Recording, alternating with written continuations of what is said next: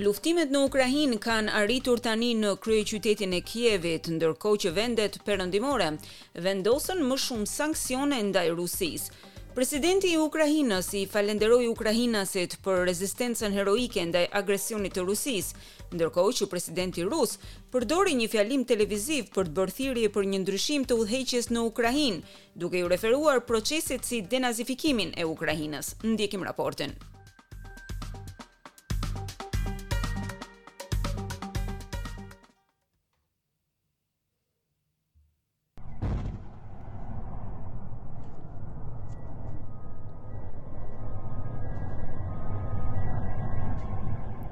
Në kryeqytetin e Ukrainës, Kiev, dëgjohen shpërthime dhe të shtëna me armë zjarri, ndërkohë që tanket dhe kamionët rusë i afrohen qytetit.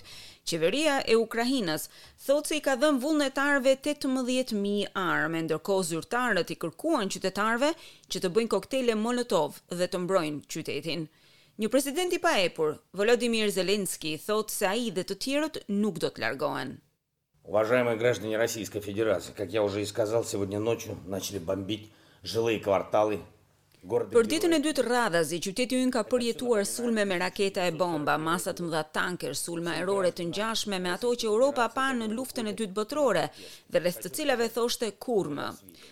Por kjo është gjendja.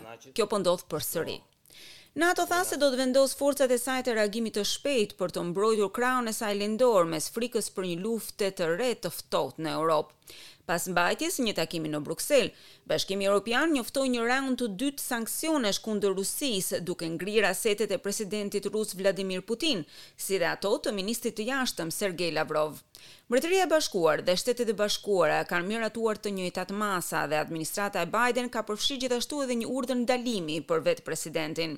Shefi i politikës së jashtme të Bashkimit Europian, Josep Borrell, i dënoi veprimet e zotit Putin. Let me flag that the only leaders in the world Ju e dini se ky është një hap shumë i rëndësishëm. Më lejoni të flas për të gjithë liderët në botë, të cilët janë sanksionuar nga Bashkimi Evropian, Assad nga Siria, Lukashenko nga Bjellorusia dhe tani Putin nga Rusia.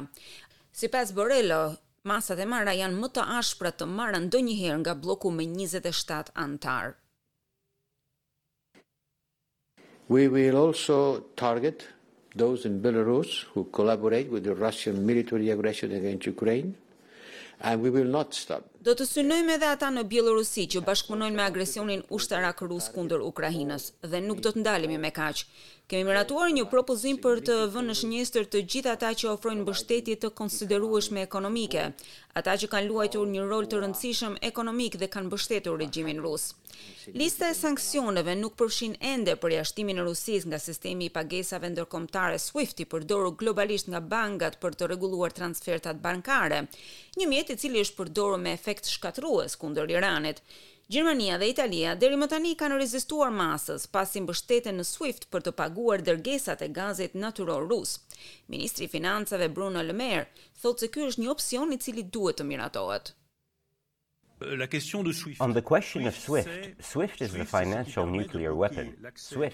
Për çështjen e SWIFT, SWIFT është arma financiare bërthamore. SWIFT është ajo që na lejon të bllokojmë boshtin e institucioneve financiare nga çdo institucioni në botë, që pengon çdo pagesë dhe çdo mall që vjen nga Rusia. Fakt mbetet që kur kemi në dorë një armë bërthamore financiare, duhet ta përdorim. Disa shtete anëtare kanë shprehur rezervat e tyre dhe ne kemi parasysh këtë. Franca nuk është një nga këto shtete dhe këtë duhet ta them shumë qartësisht. Dhjetra mijëra njerëz ndërkohë janë larguar nga Ukraina për në vendet fqinje, përfshirë këtu të paktën pesëdhjetë mijë persona në Poloni, njëzet mijë në Moldavi. Grupi i arratisurve nuk përfshinte meshkuj të moshës nga tetëmbëdhjetë deri në gjashtëdhjetë vjeçare, të cilët janë rekrutuar në ushtri si rezervistë për një periudhë maksimale prej një viti.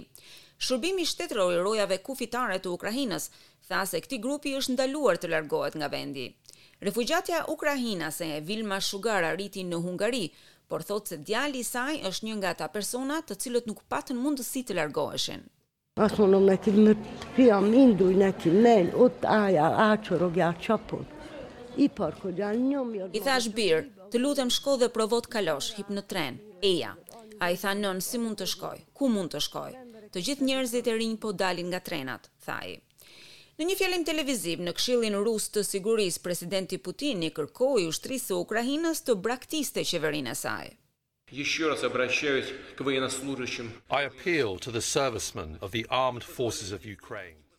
I bëj thirrje të gjithë ushtarakëve të forcave të armatosura të Ukrainës të mos i lënë neonazistët dhe ultranacionalistët ukrainas të përdorin fëmijët tuaj, gratë tuaja, të moshuarit si mburoja njerëzore, merrni pushtetin në duar. Protestat brenda Rusisë ndërkohë po rriten, por të paktën një mijë e tetëqind persona janë arrestuar në mitingjet në të gjithë vendin të enjten mbrëma. Aktorë, muzikantë dhe transmetues të njohur në Rusi gjithashtu i janë bashkuar protestave dhe kanë humbur vendin e punës. Elena Kovalska la punën si drejtoreshë e teatrit të financuar nga shteti Meyerhold Center, duke thënë se nuk mund të punonte për një vrasës. Ndërkohë jashtë ambasadës së Ukrainës në Moskë, qytetarët mbajtën vigjilje duke thënë se nuk mund të mbështesin veprimet e zotit Putin.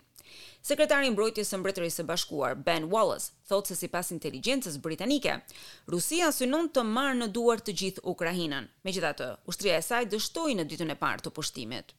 E pavarësisht se përballen me forcën e plotë të ushtrisë ruse, ukrainasit po qëndrojnë. Ky person thotë se do t'i bashkohet luftës dhe i ka bërë thirrje të tjerëve që të bëjnë të njëjtën gjë.